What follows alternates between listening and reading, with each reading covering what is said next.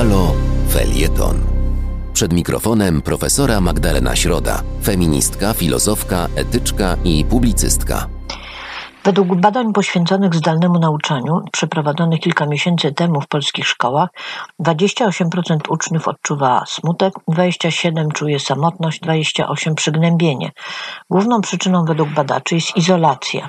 Ratunkiem nie jest jednak powrót do szkoły. Dzieci już do szkoły wracać nie chcą. Można powiedzieć, że zapanowała wśród nich anomia. Stawiam jednak pytanie, czy jej przyczyny nie leżą znacznie głębiej niż w efektach długotrwałej izolacji. Chodzenie do szkoły od lat jest czynnością bardzo przygnębiającą, a chodzenie do szkoły po ostatniej reformie jest czynnością wręcz samobójczą. Zaglądam dość regularnie na stronę Ministerstwa Edukacji i za każdym razem nie jestem w stanie wyjść ze zdumienia. Skąd bierze się ta wyrwa między mentalnością i potrzebami młodzieży, a politycznymi aspiracjami i umiejętnościami kolejnych ministrów? Obecny minister Czarnek pogłębił tę wyrwę do wielkości rowu filipińskiego. Bo czym zajmuje się jego ministerstwo? Przede wszystkim niepodległością. To chyba jedyny wątek z naszej tradycji, o którym warto, według pana ministra, nauczać. Polska nie ma teraźniejszości, nie ma przyszłości, jest tylko nasza wzniosła, martyrologiczna tradycja, zamknięta w trumnach od powstania listopadowego do Smoleńska.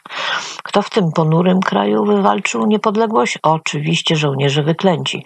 To też minister Czarnek żadnemu nie przepuści. Ostatnio udał się na mszę poświęconą pamięci szczątków kapitana Romana Szczura. Ministerstwo zrelacjonowało obficie ów fakt, ozdabiając go stosownymi zdjęciami, na których widać pana ministra w roli zarówno dostojnika państwowego, jak i księdza.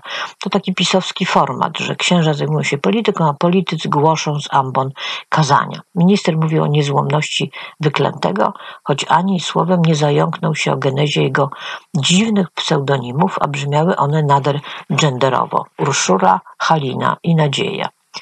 Kolejną sprawą, którą zajmuje się ministerstwo, jest program Za Życiem, gdzie można znaleźć mnóstwo informacji o tym, jak państwo polskie pomaga kobietom, które urodziły martwe lub ciężko upośledzone dziecko. Jak to się ma do zadań Ministerstwa Edukacji? Ano, przygotowuje ono zapewne dziewczynki do życia w świecie, gdzie co prawda będą traktowane jak podludzie, ale władze umili ich cierpienia czterema tysiącami złotych, asystentem do pomocy oraz pokojem do płaczu, byleby tylko nie myślały o edukacji seksualnej i prawie do godności. Obecnie Ministerstwo Edukacji wraz z uczelnią kardynała Wyszyńskiego, na której doktoryzował się ojciec Ryzyk, zajmą się kondycją psychiczną uczniów spowodowaną pandemiczną izolacją. Na bój ruszą katecheci, katolicy, psychologowie oraz producenci różańców. No i niech mi ktoś powie, że to pandemia jest prawdziwą przyczyną przygnębienia i smutku polskiej młodzieży. Do wysłuchania kolejnego felietonu profesory Magdaleny Środy zapraszamy w następny piątek o godzinie 14.50.